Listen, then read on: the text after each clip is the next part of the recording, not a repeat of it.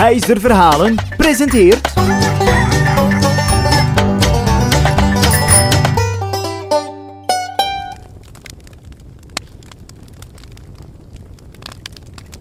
Ah, heerlijke geluiden van het geknetter van de open haard. Zalig toch? Daarbij zat een moeder heerlijk te genieten van de warmte. Ze had drie dochters. De oudste was onaardig en vervelend. De tweede was heel wat beter, al had ze toch ook haar fouten. En de jongste, ja, die was natuurlijk goed en uitstekend. Nu was het van de moeder dat ze juist de oudste dochter het liefst had en de jongste niet kon aanzien. Ze zond daarom haar jongste dochter vaak het bos in. En jawel, dat gebeurde alweer. De zon ging rustig onder en stiekem hoopte moeder dat ze verdwaalde en nooit meer thuis kwam.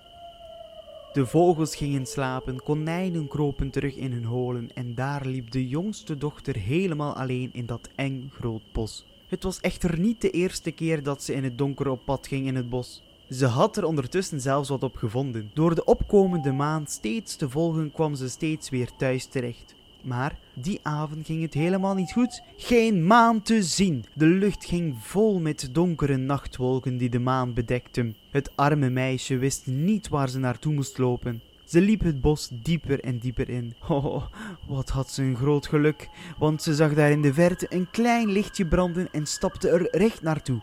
Hoe dichter ze kwam, hoe feller het licht werd. De dochter kwam toe aan een klein hutje. Ze klopte aan. Dat is raar. De deur opent vanzelf en, en voor haar staat nog een deur. Ook op deze deur klopte ze aan. Een oude man stond in het deurgat. De man had een sneeuwwitte baard en was heel erg breed. Zijn naam was Pieter. Hij zei tegen het kind: Ach, kom toch binnen, zit maar bij het vuur op mijn stoeltje. Warm je op en ik zorg ondertussen voor fris water. Ik heb wel niks om te eten voor je, enkel en alleen nog één wortel die je zelf zal moeten schrapen en moet koken. Haar maag maakte het snel duidelijk. De geweldige Pieter gaf haar één wortel en onmiddellijk begon ze het schoon te maken en te schrapen. De wortel stak ze in een pot met kokend water dat boven het haardvuur ging. Toen het klaar was, zei Pieter dat hij ook heel veel honger heeft en of hij de helft mocht opeten van de wortel. Het meisje twijfelde niet en gaf Pieter het grootste deel. Is dat niet lief? Het werd ondertussen wel al heel laat. Na het eten maakten ze zich klaar om naar bed te gaan. Maar er was een probleem. Pieter had maar één bed, maar Pieter zei tegen het meisje dat zij mag slapen in het bed. Pieter vond het helemaal niet erg om te slapen op een laagje stro op de grond, maar het meisje weigerde en zei dat voor haar het stro zacht genoeg was om op te slapen. Het meisje viel in slaap op het stro dat op de grond lag en Pieter kon dat niet aanzien. Hij nam het kind op op de arm en droeg haar naar bed. Ze was zo moe dat ze het niet doorhad.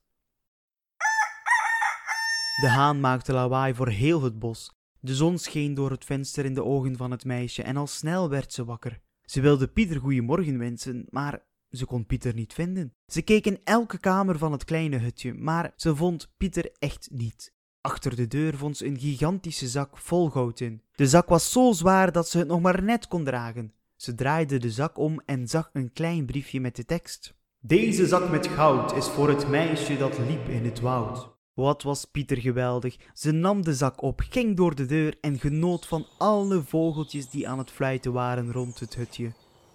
Ze zag de zon stralen en wist precies naar waar ze moest lopen. Na uren wandelen zag ze het, haar eigen huis. Het was ondertussen alweer donker aan het worden en haar moeder was niet heel tevreden dat ze terug thuis was. Totdat haar jongste dochter de zak aan haar gaf vol met goud. De moeder was dolgelukkig. De dochter vertelde haar moeder en haar zussen alles over haar avontuur en gingen nadien naar bed.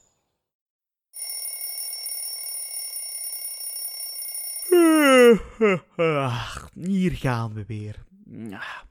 Een gloednieuwe dag. De tweede dochter had de hele nacht wakker gelegen van het verhaal en besloot om het bos in te gaan. Ze kreeg van moeder een stuk pannenkoek met wat brood bij. Logisch ook, want de tweede dochter had ze veel liever dan de jongste. Ze kwam s'avonds laat toe aan het hutje van Pieter en klopte aan. En nog een deur.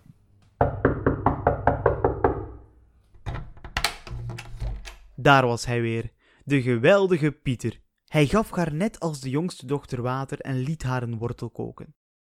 Ook deze keer mocht Pieter mee eten van haar omdat hij weer een grote honger had. Hij kreeg zelfs het grootste stuk van de wortel. Bij het slapen gaan stond de tweede dochter erop dat Pieter in het bed mocht slapen. Ze viel net als haar zusje in slaap op het stro, maar Pieter nam haar op en stak haar in bed. De haan maakte lawaai voor heel het bos. De zon scheen door het venster in de ogen van het meisje en al snel werd ze wakker. Ze wilde Pieter goeiemorgen wensen, maar zag hem niet. Ze keek in elke kamer van het kleine hutje, maar Pieter kon ze niet vinden.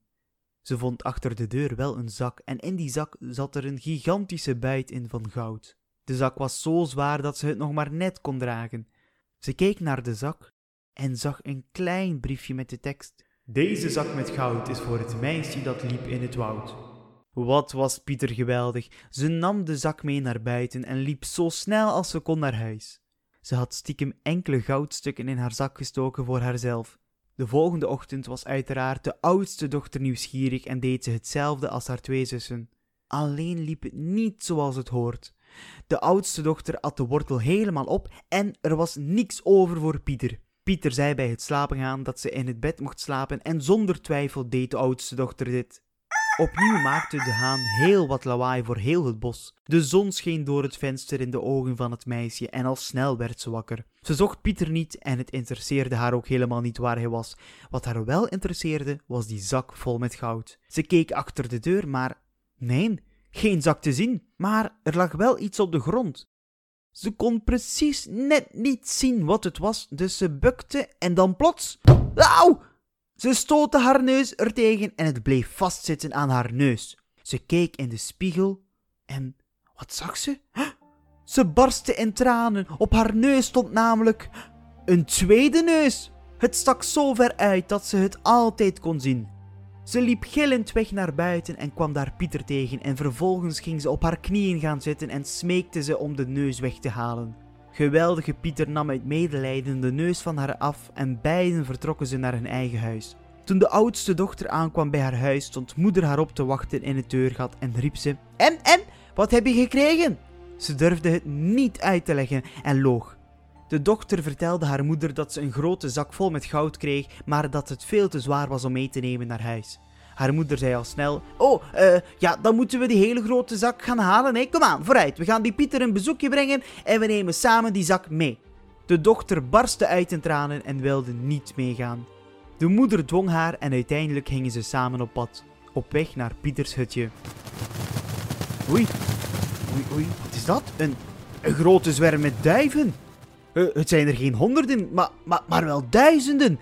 Ze kwamen allemaal op de dochter zitten. Ze waren met zoveel dat je zelfs het meisje niet meer kon zien staan. Moeder was zo bang en liep heel snel naar huis. Geweldige Pieter vond dat de oudste dochter wel een lesje verdiende. Uren later kwam het meisje onder de duivenkaka terug thuis en kon moeder haar niet meer aanzien. De jongste dochter was sindsdien haar favoriet en gaf haar alles wat ze wenste.